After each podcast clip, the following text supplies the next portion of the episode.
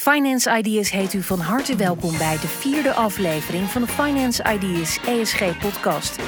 De podcast waarin wij u op de hoogte houden van de relevante trends en ontwikkelingen omtrent duurzaam beleggen. Vandaag spreekt onze consultant Wouter Geerlings met Henk van der Kolk, voorzitter van pensioenfonds Detailhandel en met Henk Groot, hoofd beleggingen van pensioenfonds Detailhandel. Aan de ene kant onze ESG-score maximaal konden vergroten. Ja. En aan de andere kant eh, een gelijkblijvend risico-rendementsprofiel eh, zouden houden. En dat is gelukt. In deze podcast spreken we met hen over de activiteiten van het pensioenfonds op het gebied van maatschappelijk verantwoord beleggen en de door het pensioenfonds opgezette Sustainable Development Goal Index.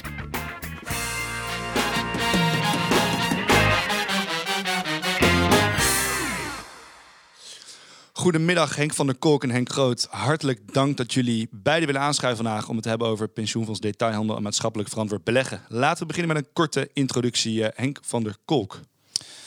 Ja, ik zit sinds eh, juli 2014 in het bestuur van het pensioenfonds Detailhandel. En vanaf 1 januari 2015 ben ik werknemersvoorzitter. We hebben een paritair bestuur. En dit jaar ben ik ook uh, acterend voorzitter. Oké, dank. En uh, Henk Groot, wat is jouw rol bij het pensioenfonds?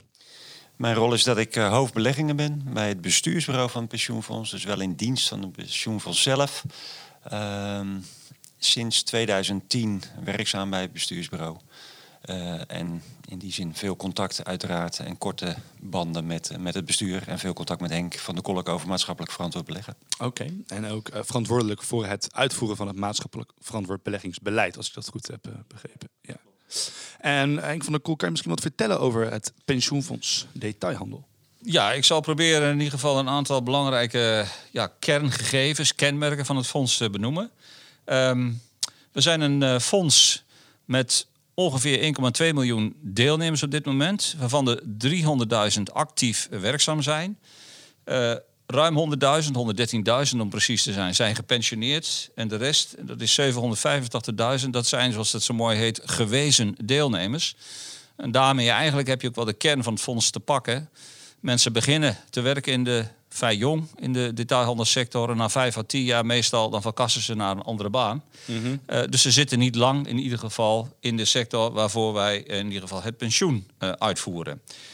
We zijn ook een groot pensioenfonds, niet alleen qua deelnemers, maar ook uh, qua belegvermogen. Op dit moment is het zo dat wij 28 miljard belegvermogen hebben en behoren daarmee in ieder geval tot de top 15 in Nederland we hebben op zich, als je om je heen kijkt op dit moment heel actueel, uh, doen we eigenlijk redelijk goed ook. Want we hebben een dekkingsgraad van uh, 108 à 109 procent. Het kan een klein beetje variëren op dagbasis als je het zo ziet. Nou, dus wat dat betreft de kortingen hebben we op dit moment in ieder geval niet veel last van. Gelukkig maar, zou ik zeggen. Uh, verder terugkomend even op dat belegvermogen. Um, het is een vrij simpele portefeuille. We hebben een eenvoudig beleggingsbeleid. We zitten voor 30% in aandelen, voor 60% in obligaties, 5% in vastgoed, 5% in alternatieve beleggingen en cash. En heel belangrijk, dat verklaart voor een deel ook die mooie dekkingsgraad. Ja, we hebben onze rente, hebben we de uh, renterisico hebben we flink afgedekt. Goed afgedekt en dat is 92% UFR. Uh, kortom, uh, ja, wat dat betreft in ieder geval zitten we er relatief uh, warmpjes bij. Oké, dank voor de toelichting. Dan wil ik graag wat meer ingaan op dat maatschappelijk verantwoorde beleggingsbeleid met jou, Henk Groot. Um, jullie zijn er in 2012 mee begonnen. Um, wat, wat, zou je, wat zie je als eigenlijk het grootste verschil tussen toen jullie zijn begonnen in 2012 en waar jullie nu staan in 2019? Het grootste verschil is de betrokkenheid van zowel de werknemers als de werkgeverskant van het pensioenfonds. We hebben een bestuur die voor de, voor, ja, voor de helft bestaat uit werkgeversvertegenwoordigers en voor de helft uit werknemersvertegenwoordigers. En als je dan kijkt naar 2012, ik kan me nog goed een, een workshop herinneren over maatschappelijk verantwoord beleggen in die tijd. Uh, en dan zag je dat de werkgevers en de werknemers enorm ver uit elkaar lagen. Mm -hmm. De werkgevers uh, hadden zoiets van, ja, nou, als het moet, dan moet het. Maar uh, als het maar niet uh, mijn rendement en mijn risicoprofiel beïnvloedt. Mm -hmm. En de werknemersvertegenwoordigers die wilden veel meer doen aan maatschappelijk verantwoord beleggen. Ehm, dat is inmiddels ehm, radicaal veranderd. Okay. Die zitten echt, uh, wat dat er gaat, uh, op dit moment op één lijn. Dus het is voor de deelnemers een veel uh, grotere prioriteit geworden... eigenlijk over het hele spectrum van de deelnemers. En ze zijn daar veel betrokkener geworden als we het hebben over maatschappelijk verantwoord beleggen. Ja, in ieder geval bij bestuur is die bewustwording veel groter geworden. Ja. En we komen later nog wel even terug op een onderzoek wat we onder deelnemers hebben ja. gedaan. Okay. Waar ook het een en het ander uit blijkt. Hoe, hoe is dat toen eigenlijk in, in 2012 geagendeerd? Wat is de aanleiding geweest om het te gaan hebben over maatschappelijk verantwoord beleggen? Nou, dat was eigenlijk een discussie die we hadden over het opnieuw vaststellen van investment beliefs. Um, onderdeel daarvan was ook een investment belief over maatschappelijk verantwoord beleggen. En in die tijd was, uh, wat ik al zei, de bestuursleden zaten niet allemaal op één lijn. En hadden op dat moment ook uh, de wens om het breed te formuleren. en dan heb ik het over de investment belief, over het maatschappelijk verantwoord beleggen. en in die tijd ehm, was de belief dat wij als pensioenfonds maatschappelijk verantwoord beleggen serieuze namen. Punt. Oké. En, en, en dat is het eerste agendapunt geweest. En daarna zijn jullie steeds dieper en dieper op dat onderwerp ingegaan eigenlijk. Klopt. Oké. En als we dan gaan kijken naar, naar, naar die investment belief, hoe denk je dat duurzaamheid de pensioensector beïnvloedt vanuit puur beleggingsperspectief?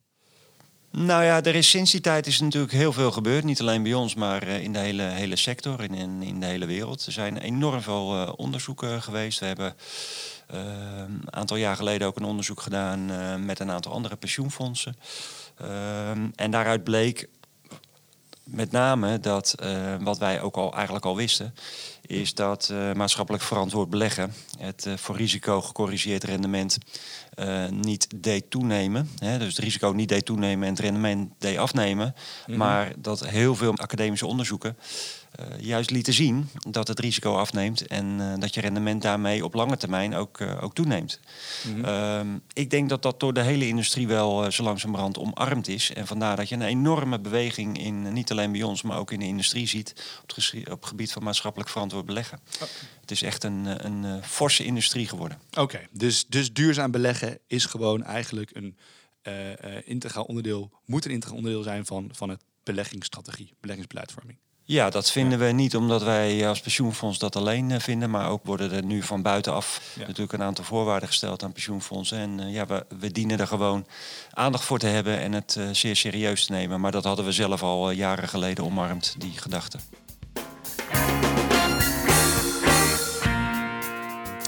Oké, hartelijk dank voor deze uitweiding. Wil ik met jou, Henk van der Kolk, het gaan hebben over het, het, eigenlijk het denkproces, het bestuurlijk proces, wat zich de afgelopen jaren heeft afgespeeld met betrekking tot uh, duurzaam beleggen. Dus jullie zijn begonnen bij het formuleren van die investment beliefs. En wat was de volgende stap? Nou ja, de volgende stap was uh, toch met name om na te denken over van, ja, is het nu een randvoorwaarde als het over je eigen beleggingsbeleid gaat? Of is het ook de kern van je beleggingsbeleid? En hoe ver ga je daarin? Of beter gezegd van, is het nu zo dat wij een actief belegger willen worden... op het moment dat het over maatschappelijk verantwoord beleggingsbeleid gaat... of toch blijven bij onze belief, ja, de markt kunnen we niet verslaan, dus passief. En hoe doe je dat dan, als het dan vervolgens gaat over het operationaliseren daarvan? Een ander aspect waar vervolgens over nagedacht is, is van ja... Um, ga je engagement doen? Ga je alleen maar stemmen doen? Uh, of ga je ook je uitsluitingenbeleid, wat op dat moment er wel geformuleerd was, namelijk controversiële wapens, dat doen we niet. Mm -hmm. Gaan we dat verbreden? Gaan we dat verbreden naar bedrijven? Gaan we dat verbreden naar sectoren? En zo kreeg uh, eigenlijk het denkproces vorm en kreeg uiteindelijk ook meer en meer vorm van ja, wat willen wij nu precies met dat maatschappelijk verantwoord beleggingsbeleid? En ik denk in ieder geval dat ook een belangrijke, uh, ja, eye-opener wil ik het nog niet noemen, maar toch wel ook wel een belangrijk punt was en is van ja, jongens. Uh, we kunnen wel denken dat we de hele wereld kunnen verbeteren met ons beleggingsbeleid, maar dat weten we niet zeker. Dan verbeteren we die wereld niet. Dus laten we vooral ook focussen. Keuzes nou, maken. Keuzes ja. maken. En die keuzes maken, dat hebben we denk ik toch vrij snel hadden we, hebben we dat in ieder geval wel handen en voeten kunnen geven. Mm -hmm. En dat betekent heel concreet dat wij gefocust hebben op een viertal thema's. En die thema's staan nog steeds. Ja, en dat vind ik een, een hele interessante jullie hebben gedaan. Dus jullie hebben eigenlijk thema's uitgekozen naar aanleiding van een deelnemersonderzoek. Samen met uh, Rob Bauer was dat van de Universiteit Maastricht. En ik wil eigenlijk vragen, uh, hoe hebben jullie dat deelnemersonderzoek aangepakt? En wat voor effect heeft dat uiteindelijk ook gehad op, op jullie maatschappelijk verantwoord beleggingsbeleid? Daar wil ik ook inderdaad zo op ingaan. Ik wil toch even benoemen wat wij zelf eerst als bestuur in ieder geval geformuleerd hebben als thema's. Vier thema's: arbeidsrechten, mensenrechten, bedrijfsethiek en natuurlijk ook milieu en klimaat. Uh, arbeidsrechten, mensenrechten. Het slaat ook heel erg op het feit dat we in een tak van sport opereren, waarbij de ketenbenadering heel erg te doet. Met name bijvoorbeeld in een deelsector als de textiel. Dus vandaar ook arbeidsmensenrechten en niet te vergeten bedrijfsethiek. Vervolgens hebben wij een slag gemaakt naar wat zo langzamerhand ook wel de paraplu, zou je kunnen zeggen, van het maatschappelijk verantwoord beleggingsbeleid uh, mondiaal is geworden. Dat zijn de SDG's. En in dat kader hebben wij als bestuur gezegd van nou, er zijn er 17. Mhm. Maar ja, alle 17 kiezen is ook weer geen keus. Dus laten we in ieder geval een focus uh, ook hier aanbrengen. En we hebben toen ervoor gekozen om een drietal SDG's centraal te stellen. En dat zijn dan de SDG's 8, 13 en 16. En dat is dan eerlijk werk, klimaat en ja, je zou zeggen, kunnen zeggen, uh, faire instituties. Het gaat vooral ook inderdaad over good governance. Mhm. Heel kort geformuleerd even. Vervolgens was de vraag aan de orde van ja, dat is allemaal leuk en aardig. Dat hebben wij allemaal verzonnen met elkaar. En we hebben ook stellig de indruk van dat we nog steeds een prachtig rendement kunnen boeken als we het zo inrichten. Maar ja, wat vinden onze deelnemers daarvan? En in dat kader, we hadden al een langer lopende afspraak met de Universiteit van Maastricht over communicatie met je deelnemers. Toen ontstond de gedachte in samenwerking met Maastricht, eigenlijk moet ik zeggen dat zij met de suggestie kwamen, zou het nou niet een leuk idee zijn, mooi idee zijn, niet alleen om je deelnemers te vragen, wat vinden jullie nu van de keuzes van dit bestuur? Heb je er iets voor over? Maar ook, vind je het eigenlijk wel genoeg? Of vind je het te veel? En genoeg bedoel ik mee, vinden jullie eigenlijk van dat het nog uitgebreid moet worden? En in dat kader hebben wij toen de deelnemers de vraag voorgelegd van... willen jullie het aantal SDG's verruimen, verbreden... Of vinden jullie het genoeg? En toen was een overgrote meerderheid ervoor om er toch nog een SDG bij te doen. En dat is dan SDG 12. En dat gaat dan in feite eigenlijk over verantwoorde productie. Nou, dan heb je het eigenlijk ook in hoge mate over de uh, zaken als leefbaar loon, et cetera. Oké. En eigenlijk de keuze voor die SDG-thema's hebben een soort van handvat gegeven om de Sustainable Development Goal passieve beleggingsindex te gaan bouwen. Die dus aansluit bij jullie uh, beleggingsstrategie, jullie investment beliefs. En uh, daar gaan we het zo meteen over hebben.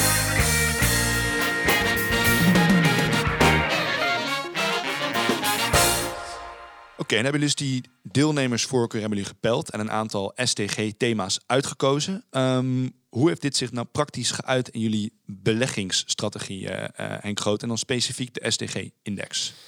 Ja, dus je zou dus kunnen zeggen dat het formele gedeelte achter de rug was. Uh, het beleid uh, stond vast, is ook getoetst bij de deelnemers. Uh, de volgende stap was hoe ga je dat dan door laten klinken in je daadwerkelijke beleggingsportefeuille. We hebben met het bestuur besloten om te beginnen met de, de aandelenportefeuille in de ontwikkelde markten. Om te mhm. kijken of we daar deze SDG's in, konden integreren. Met andere woorden, een overweging naar de SDG's die, uh, die in ons beleid uh, als, als focus SDG's zijn opgenomen. Ja. In onze zoektocht uh, hebben we samengewerkt met BlackRock um, en zijn we uiteindelijk terechtgekomen bij FTSE Russell. FTSE Russell die heeft een mooi SDG-framework ontwikkeld, mm -hmm. heeft ook een climate framework. Um, en dat sprak ons aan, dus daar zijn we mee in gesprek geraakt. En hebben uiteraard uh, heel veel tijd besteed aan uh, het kijken onder de motorkap. Van hoe hebben ze dat SDG-framework... Wat voor methodologie hebben ze nou eigenlijk? Uh, Precies. Ja, ja. En hoe hebben ze die climate framework opgezet? Ja. En eigenlijk is dat een, een, een, nou ja, het is uiteraard een ingewikkelde machine. Maar de bouwstenen zijn, zijn vrij, vrij, uh, vrij eenvoudig. Ze hebben drie, 300 plus indicatoren. Uh, die hebben zij uh, gebruikt om 14 subthema's uh, te, te, identificeren. En die subthema's die hebben zij gemapt naar de verschillende SDG's die er zijn. Dus de 17 SDG's die we ook wij kennen. Vervolgens hebben ze uh, ook nog een, een, climate framework, waarbij ze meer de focus leggen op uh, screening op green revenues, carbon footprint, maar ook fossil fuel reserves. Mm -hmm. Nou, als je die twee frameworks dan vervolgens uh, en, en die mapping naar de SDG's over onze portefeuille heen legt, en die screening ook daadwerkelijk gaat doen op de namen van bedrijven die in onze portefeuille zitten en je legt er een extra focus op de vier SDG's die wij hebben uitgekozen en uh, hebben vastgelegd in ons MVB-beleid. Dan ga je dus uh, scores krijgen En kan je dus ook beslissingen nemen over eh, het onder- of overwegen van bedrijven die op onze SDG's eh, beter of minder goed scoren. Ja, dus naar gelang de methodologie van FTSE Russells met betrekking tot die SDG's, ga je dan meer geld beleggen in een bedrijf wat wat hoger scoort en minder geld beleggen in een bedrijf wat wat lager scoort, Ja. volgens die methodologie. Ja, dat klopt. En ehm, daarbij hebben we de benadering gekozen dat we eh, een sectorneutrale index wilden houden. Dus je gaat eigenlijk per sector ga je kijken welke bedrijven zitten daarin in mijn portefeuille. Die sector die ga je vervolgens, eh, de bedrijven die in die sector zitten, die in je index zitten, die ga je vervolgens beoordelen op, op basis van die methodologie. En vervolgens zie je dus dat er bijvoorbeeld een bedrijf als Amazon Mhm. Ehm, wellicht op, op milieu, hè, klimaat en milieu beter scoort, maar bijvoorbeeld op arbeidsrechten minder scoort. Ja. En in diezelfde sector zijn weer andere bedrijven waar het wellicht andersom is. Ehm, en zo ga je door het onder- en overwegen op basis van die screening, ga je tot een portefeuille komen die dus een, eh, een hogere weging heeft. Mhm. En, en, en dus beter scoort eigenlijk op de SDG's die wij in ons beleid hebben opgenomen. Die meer gelieerd is met de voorkeuren van je deelnemers en met de voorkeuren ook eh, van, het, van het bestuur, kan ik me voorstellen. Dat klopt. Ja. Ehm, als we nou gaan kijken naar wat dat praktisch voor eh, eh, effect heeft ge- gemaakt zeg maar, op echt de verduurzaming van de economie. Ik vond één punt wat je noemde interessant, dat zijn die green revenues. Dus ik kan me voorstellen, die tilt naar bedrijven die geld verdienen met eigenlijk duurzame activiteiten. Die wordt hoger. Ehm, kan je daar iets over zeggen?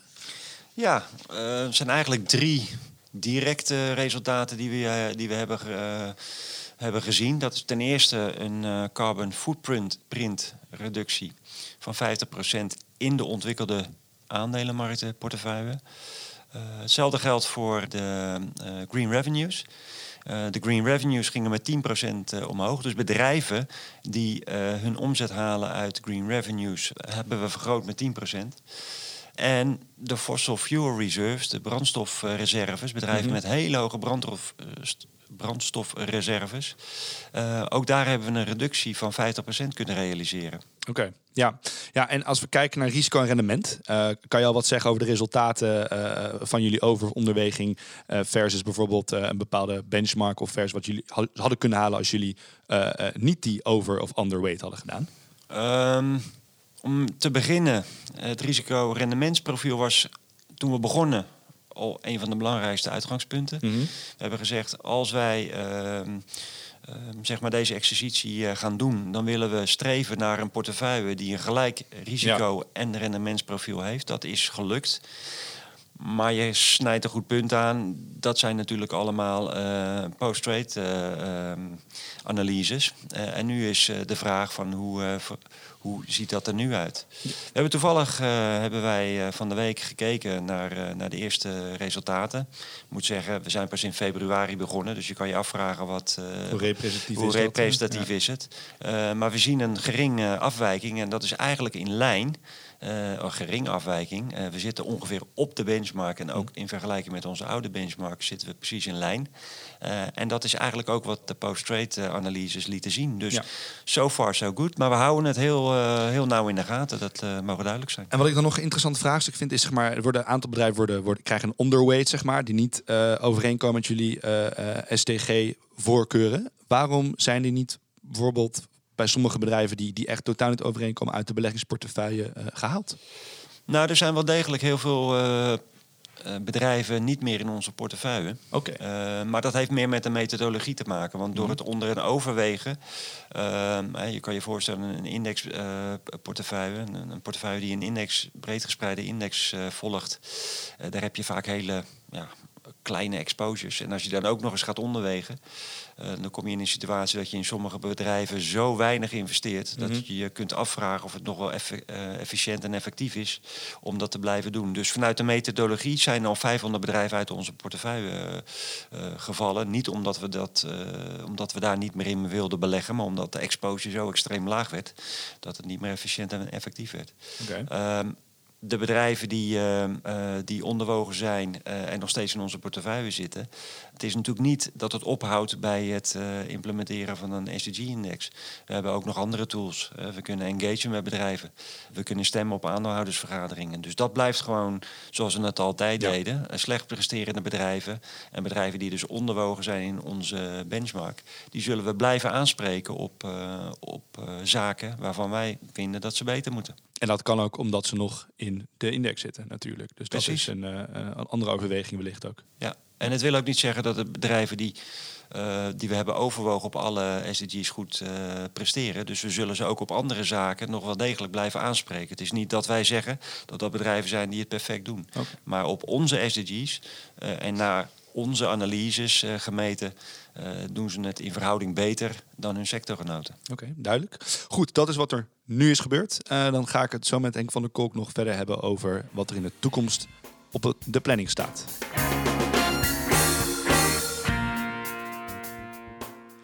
Dan gaan we nu onze blik op de toekomst richten. En wat eigenlijk jullie toekomstplannen zijn met betrekking tot maatschappelijk verantwoord beleggen. Met jou, Henk van der Kolk, kan je ons daar wat over vertellen? Wat zijn de initiatieven die jullie nu op het oog hebben? Waar willen jullie nu op gaan focussen? Nou, het eerste en het belangrijkste, daar zijn we nu al mee bezig, om de SDG-integratie, uh, zoals wij die nu in ieder geval uh, vorm hebben gegeven voor de developed equities, uh, developed markets, om die ook uit te rollen naar de equities emerging markets, de credit, credit, portfolio. En nou, het zal ook, in ieder geval zullen we proberen om dat voor de vastgoed, vastgoedfonds in ieder geval te doen. Eigenlijk komt het erop neer, wij willen in ieder geval deze aanpak uitrollen op, uitrollen op onze hele portefeuille. Nou, dat heeft uiteraard, uh, neemt er wat tijd in beslag. Maar dat is de, wel de eerste prioriteit. En ja. daar zijn we nu drukdoende mee. Ja.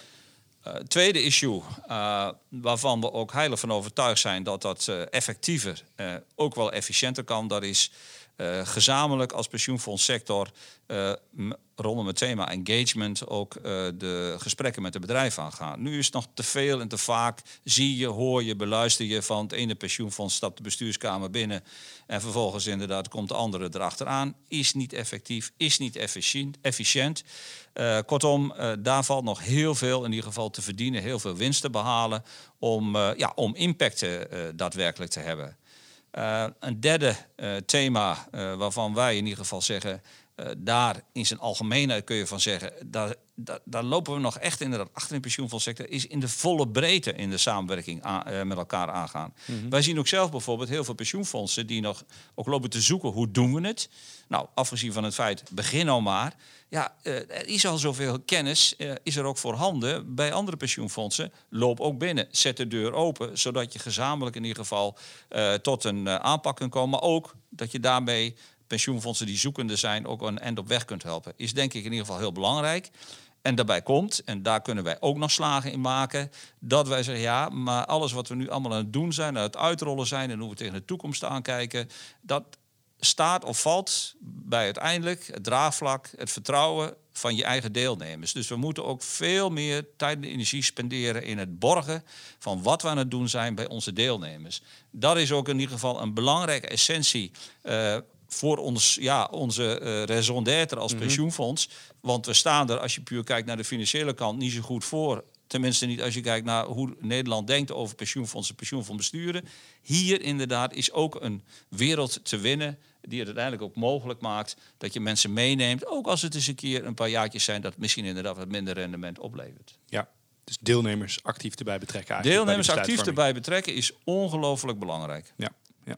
Even nog op punt samenwerking. Dat was ook nog een deel van jouw pleidooi, Henk van Koek. Heb je een voorbeeld van, uh, nu eigenlijk al, van hoe jullie samenwerking aan zijn gegaan, concreet met andere pensioenfondsen? Want volgens mij is er recent ook een ja. mooi initiatief gestart. Ja, dat is inderdaad correct. Uh, we zijn net, het is ook letterlijk inderdaad nog net, uh, net gestart. Uh, een samenwerkingsverband aangegaan met het pensioenfonds Horeca en Catering. En dat onder, onder de welluidende titel Dutch Engagement Network. Nou, het geeft al aan, engagement zien wij toch ook als een belangrijk instrument om tot verduurzaming te komen. En om dat samen te doen met een ander fonds maakt ons alleen maar sterker. Het is een informeel samenwerkingsverband betekent heel simpel dat je in overleg met elkaar keuzes maakt over bedrijven waarop je wilt engagen. Dat hebben we gekoppeld aan een thema en dat is water. Nou, water is ook voor onze sector is dat ongelooflijk belangrijk als je kijkt naar de activiteiten die plaatsvinden. We roepen ook zelf andere pensioenfondsen op om zich bij ons aan te sluiten. Het is ook weer niet de bedoeling overigens dat iedereen dat doet, dan wordt het weer te groot en te bureaucratisch. Maar er is absoluut nog ruimte voor meer pensioenfondsen. Het is ook een uiting van nogmaals samenwerking. Samenwerking loont. Uh, hou het ook inderdaad, wat dat betreft qua organisatie, hou het ook vrij simpel. Uh, treden in overleg met elkaar. En op die manier kun je ook nog eens een keer wel van elkaar leren. En we denken dat er mhm. uiteindelijk ook een belangrijke bijdrage levert. Uh, naast al die andere instrumenten die we ook al op de rails hebben gezet. Oké, hartelijk dank. Dat is duidelijke taal. Samenwerking dus en betrek je deelnemers. En om alvast even de deur open te gooien, zou ik ook tegen iedereen willen zeggen die een vraag heeft over die SCG-index of over de aanpak van pensioenfonds detailhandel, dat wij bereikbaar zijn op eh, LinkedIn uh, voor vragen. Daarover hartelijk dank, heren, voor jullie tijd.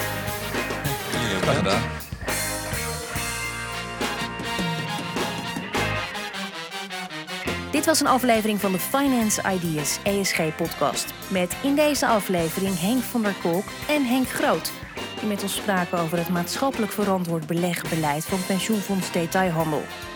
Mocht u naar aanleiding van deze podcast een vraag hebben over maatschappelijk verantwoord beleggen of over de SDG-index, dan kunt u altijd contact met ons opnemen via de website of via onze LinkedIn. Wij danken u voor het luisteren en kijken uit naar de volgende podcast.